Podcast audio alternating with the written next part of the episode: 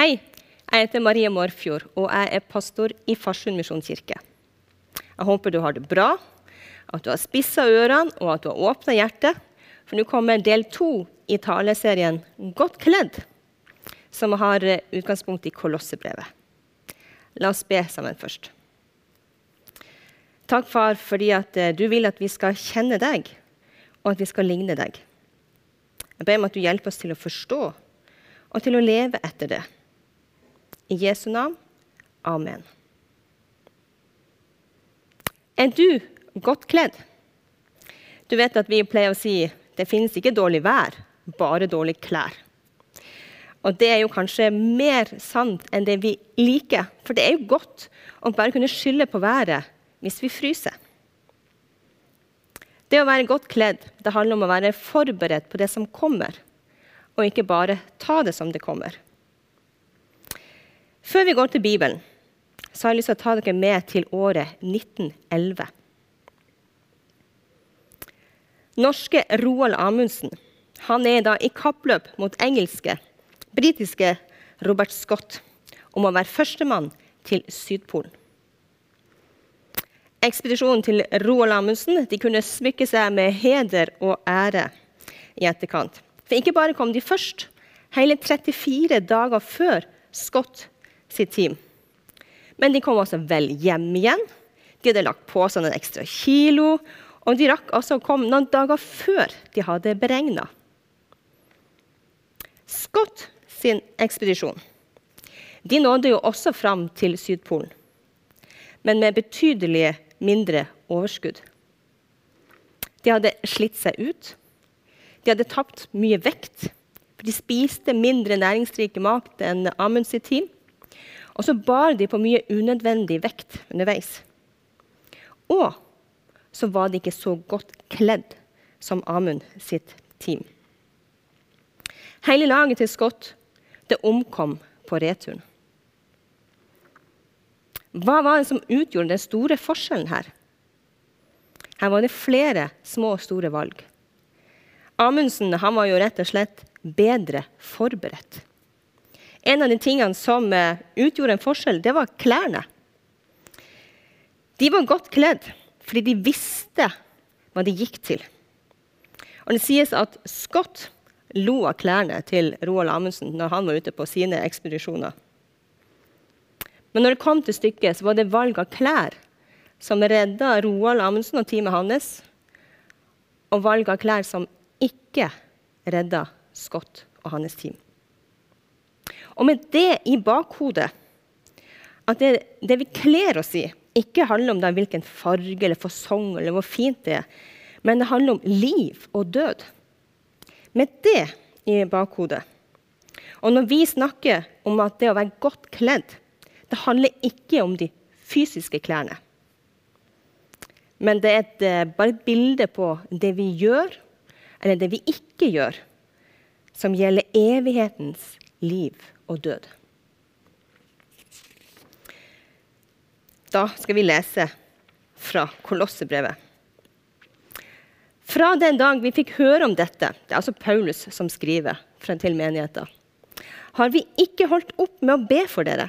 Vi ber om at dere må bli fylt av kunnskap om Guds vilje og få all den visdom og innsikt som ånd gir. Da kan dere leve et liv som er Herren verdig, og som helt og fullt er til glede for Ham, så dere bærer frukt i all god gjerning og vokser i kjennskap til Gud.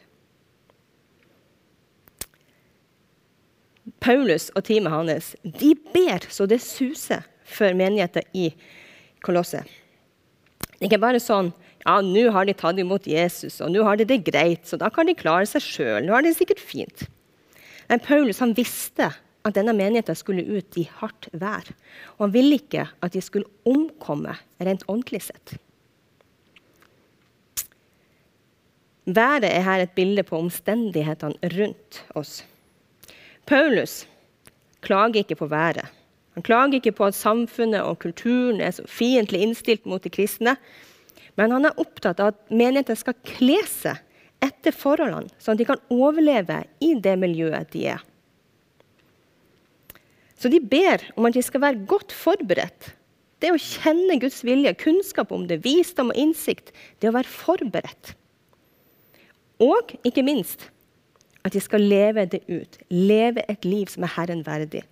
Leve ut, leve annerledes, ta andre valg enn det de andre gjorde rundt dem. Og på den måten så vokser de i kjennskap til Gud. Fordi vi lærer Gud å kjenne gjennom det vi gjør, med det vi vet. Hvilke klær er da livsviktig? I Lukas 15 så forteller Jesus en fantastisk historie som viser oss eh, hvem Gud er, og på hvilken måte Gud ville kle oss. En sønn kommer hjem kommer hen til sin far og forteller at han vil dra bort fra faren. Og ba om å få sin del av arven, hvilket var et uttrykk for at han vil bryte båndene til faren og ikke ha noe mer med han å gjøre. Men først ville han få en vinning ut av det. Han ville ha arven. En arroganse og en frekkhet som blir til stor sorg for faren. Men han lar gutten få det som han vil. Og gutten drar langt av sted. Sløser bort arven på damer og på fester. Og gutten med de store spanderbuksene på, han mangla jo ikke venner. Men en dag tok pengene slutt. Og vennene ble borte. Og landet ble prega av en krise. Det var ingen jobb å oppspore for gutten. Annet enn å passe griser, og da med grisemat som lønn. Mens han sitter der og nipper til grisematen, så er det at han kommer til seg sjøl. Hva er det egentlig jeg har forlatt? sier han. Til og med tjenerne hjemme hos min far har mer enn nok å leve av. Og her sitter han. Nei, jeg vil gå hjem til min far, sier han. Han vil be om tilgivelse. Jeg er ikke verdig til å bli behandla som gutten hans mer. Men kanskje vil han ta meg som en av tjenerne hans. Hvordan reagerer faren når han kommer, da? Jo, da han ennå var langt borte, fikk faren se han. Og han fikk inderlig medfølelse med han. Han løp sønnen i møte, kastet seg rundt halsen på han og kysset ham. Sønnen sa, 'Far, jeg har syndet mot himmelen og mot deg.' 'Jeg fortjener ikke lenger å være sønnen din.' Men faren sa til tjenerne sine, 'Skynd dere. Finn fram de fineste klærne.' og ta dem på ham, og gi en ring på fingeren og sko på føttene. Og hent gjøkalven og slakt den, så vil vi spise og holde fest. For denne sønnen min var død og er blitt levende. Han var kommet bort og er funnet igjen. Og så begynte festen og gleden. En pappa som står og speider lengtende etter gutten sin. Etter barnet som har vendt han ryggen. Og gutten som kom til seg sjøl, han innså at han hadde bomma på målet med livet sitt da han hadde brutt båndet til faren sin. Og når han så vender tilbake, så kler faren gutten sin opp i de fineste klærne. Klærne de sier noe om hvem vi er, om vår status. Disse klærne fortalte gutten at han var tilgitt, at han var kjøpt fri fra skylda si. Og han har fått tilbake statusen sin som sønn igjen. Og med disse klærne var det ikke noe tvil. Dette er gutten som er elska av sin far. I Jesaja 61, 10 så står det Jeg gleder meg i Herren, min sjel jubler over min Gud. For han har kledd meg i frelsens klær og svørt meg i rettferdighetskappe. De klærne de får vi ikke ved å være flinke og snille. Akkurat som huslånet mitt. Det, banken lar ikke gjelda bli sletta hvis jeg bare gjør en ekstra innsats med å være en god nabo. Sånn fungerer det ikke. Vi trenger at noen kjøper oss fri fra den gjelda vi har. Og døden den gjør krav på oss pga. den skylda som vi bærer. Men det der at du har en far som ga sin sønn Jesus for å betale sitt liv i våre sted. Og nå er du fri til å komme tilbake til din far. Og når du vender om, så kler han deg i frelsens klær. De dyreste klærne som Jesus kjøpte til deg med sitt liv. De gamle klærne, de som forteller om dine feil, dine nederlag, og din synd og alt det forferdelige du har gjort. De gamle klærne som sier at 'du er ikke noe verdt'. Du får det ikke til. Eller 'du er ikke så ønska, du er ikke så høyt elska', i hvert fall. De tar Gud, din far, han tar de av deg. Og så kler han deg opp i de dyreste og fineste klærne. Han sier at du er tilgitt. Du er fridd ut av alt det gamle. Du er så ønska og så velkommen hjem. Du er så verdifull, helt umistelig, og ingen kan erstatte deg. Så høyt elska er du at han ga sin sønn den eneste, for at hver den som tror på han, ikke skal gå fortapt, men få evig liv. Dette er frelsens klær, som Jesus kjøpte til oss med sitt liv. Ok, Full jubel. Jeg kan nesten høre det. Og dette, folkens, det er begynnelsen på det nye livet.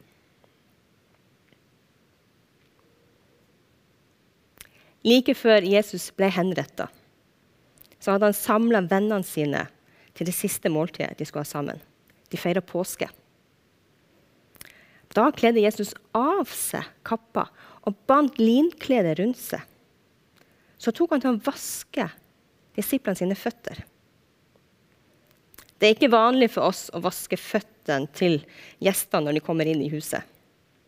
Men det var vanlig på Jesu tid at når man kom hjem etter en lang dag, så var føttene de var jo skitne, og de var svette sikkert også. Og Da skulle du vaske føttene dine. Og Var du gjest, så var det en måte å vise gjestfrihet på. Det var at du satte fram vann så du kunne vaske føttene dine. Og hadde husverten da tjenere eller slaver, så gjorde disse det for deg. Det var en ydmykende eh, oppgave, så det var slaven av lavest rang som måtte gjøre det. Men nå er det Jesus som kler av seg for å vaske våre føtter. I Filippe-brevet står det han, altså det er Jesus, han var i Guds skikkelse og så det ikke som et rov å være Gud lik. Men han ga avkall på sitt eget, tok på seg en tjenerskikkelse og ble mennesker lik. Det er litt sånn rar tekst. Hva betyr egentlig det? Jo, det betyr at han som hadde høy status Gud sjøl, det er jo han som inviterer oss hjem til seg. Han ble ikke fornærma eller indignert og sa OK, jeg skal vaske føttene deres. Liksom. Nei, han ga slipp på dette. Han ga opp sine rettigheter. Han kledde på en måte av seg rettighetene han hadde, og så kledde han på seg slaveklær for å tjene oss. Og igjen så snakker jeg ikke om de fysiske, fysiske klærne som vi har på oss, men jeg snakker om hva var det Jesus gjorde. Jo, han bøyde seg ned. Han gjorde det som disiplene ikke engang ville gjøre med hverandre. Men så sier han også, 'Skjønner dere hva jeg har gjort?' sier Jesus. Sånn skal dere gjøre med hverandre. Det å elske hverandre, det er å tjene hverandre. Å kle seg i kjærlighet, det er å kle seg i tjeneste for hverandre. Og Det betyr at jeg må være villig til å bøye meg, gi avkall på noe. Og også være villig til å ta imot når andre gjør det for meg. Han som bøyde seg ned og ga oss alt. Han sier, 'Kom og følg meg'. Og det betyr 'kom og gjør det samme som jeg har gjort'. Skjønner du? Hvis Jesus ikke var villig til å gi avkall så ville vi vært atskilt ifra Gud. Å være godt kledd er også å ta av seg noe for å ligne Jesus. Det gjør at du setter deg sjøl til sides. Du tar din status av og dine rettigheter, det som er behagelig, og sikkert det du fortjener også. Det kler du av deg. Å tjene andre det kan være slitsomt. Ja, det krever tid og kanskje penger og energi og hele pakka. Og det krever at du organiserer uka di sånn at du får plass til det. For én ting er sikkert. Det kommer ikke av seg sjøl. Stian Kilde Aarbrot skriver i denne boka, som jeg for øvrig anbefaler varmt ut ifra det vi snakker om nå Han skrev at vaner er som klær som ruster oss for vær og vind. Altså ikke din kunnskap om noe, men det er det du faktisk gjør, som ruster deg for, som, til vær og vind. Det er det du gjør, som former deg, bokstavelig talt. Det former faktisk hjernen din, det du gjør. Det er ikke det du vet som former deg, men det du gjør. Og Gud kaller oss til å bli forma av Han. At vi skal ligne Han. Og Det betyr at vi må gjøre som Han. Ikke bare vite om det Han har gjort, men å ligne Han. Vi skal tilbake til Sydpolen i 1911. Amundsen og teamet de var godt kledd. Her står de på Sydpolen. Men de spiste også mer næringsrik mat enn Scotts sitt team. Uten mat så blir vi slitne, og vi holder ikke ut. Og hvis da veien blir lang å gå, eller været blir for barskt, så omkommer vi, sånn som Scott sitt team gjorde. De omkom Scott sitt team. De var utsult, utsulta, de var utslitte, og de var kalde. Mens Amundsen sitt team faktisk hadde lagt på seg i løpet av turen. Og Da kan vi spørre hva hadde de spist? Hva var det de gjorde annerledes enn det andre teamet? Sånn forutenom klærne de hadde på seg. Og vi må vite at hvis vi skal orke å tjene og kle oss i kjærlighet, så må vi spise den maten som Gud gir oss. Vi lever ikke av brød alene, men av hvert ord som kommer ut av Guds munn. Det sa Jesus. Brød alene er ikke nok, men disse ordene Her blir du kjent med Guds vilje. Disse ordene er mat for oss. Og Jesus sa at min mat er å gjøre Guds vilje. Det handler ikke bare om å lese det, men å gjøre det. Da formes man av det. Den som kler seg godt, har en rytme på åndelig mat, på tjeneste og det å ta imot og få hvile. I mange menigheter så er det en tendens til at det er noen få mennesker som gjør det meste av tjenesten. Det er en usunn fordeling. Og Du må spørre deg sjøl har jeg en god rytme i dette, eller skal jeg gjøre noe om? Amundsen han fikk kritikk fordi han slakta flesteparten av hundene på turen. Det var viktig kjøtt som de trengte for å ikke bli syke. Amundsen sjøl syntes det var grusomt at han måtte gjøre det, men han så det som en nødvendighet. Og han var villig til å gjøre det for at de skulle nå målet. Ja, ikke bare nå målet, for det gjorde jo Scott også. Men han var villig til å gjøre det for at laget hans ikke skulle lide døden. Vi må også ta noen drastiske valg. Og dette kan selvfølgelig trekkes langt ut i det som er usunt. Men jeg sier det likevel i håp om at det blir forstått rett. Å gi avkall på seg sjøl, det å ta på seg tjenesteklærne, er nettopp dette. Å droppe noe som jeg liker, noe jeg gjerne ville hatt, noe jeg kanskje gjerne har rett på å fortjene. For at andre skal kjenne Jesus og vinne evigheter sammen med han. Det handler om å redde liv for evigheter. Og det å være villig til å betale en pris for det. Hvis vårt håp til Kristus bare gjelder for dette livet, da er vi de ynkeligste av alle mennesker, sa Paulus. Med andre ord, vi må ha evigheter som perspektiv når vi lever dette livet her på jorda. Og heldigvis, se her Kraften fra Hans herlighet skal gi dere styrke, så dere alltid er utholdende og tålmodige. Med glede skal dere takke Far, som satte dere i stand til å få del i de helles arv i lyset. For Han har fridd oss ut av mørkets makt og ført oss over i sin elskede Sønns rike. I ham er vi kjøpt fri og har fått tilgivelse for syndene.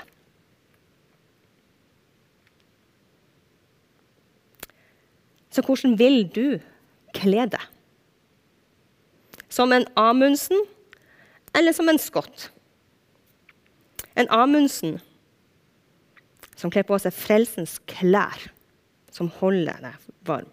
Som spiser mat som gir styrke og næring, som kjenner Guds vilje og er forberedt på det som venter i denne verden. En Amundsen som er villig til å ta drastiske valg og ta, gi avkall på noe for at andre skal leve. Og dette er Jesus. Og er du villig til å la deg forme av han? Ta imot de klærne han vil gi deg, og kle på deg også de tjenesteklærne. Og vær kledd i kjærlighet. Skal vi be sammen? Jesus, takk fordi at du ga deg sjøl for oss. Vi vil ligne deg, Jesus. Og du vet at av og til er dette kjempevanskelig. Hjelp oss og gi oss den kraften og styrken vi trenger til å holde ut. Og så vi kan være villige også til å gi avkall og til å tjene hverandre, sånn som du har vist oss. I Jesu navn. Amen.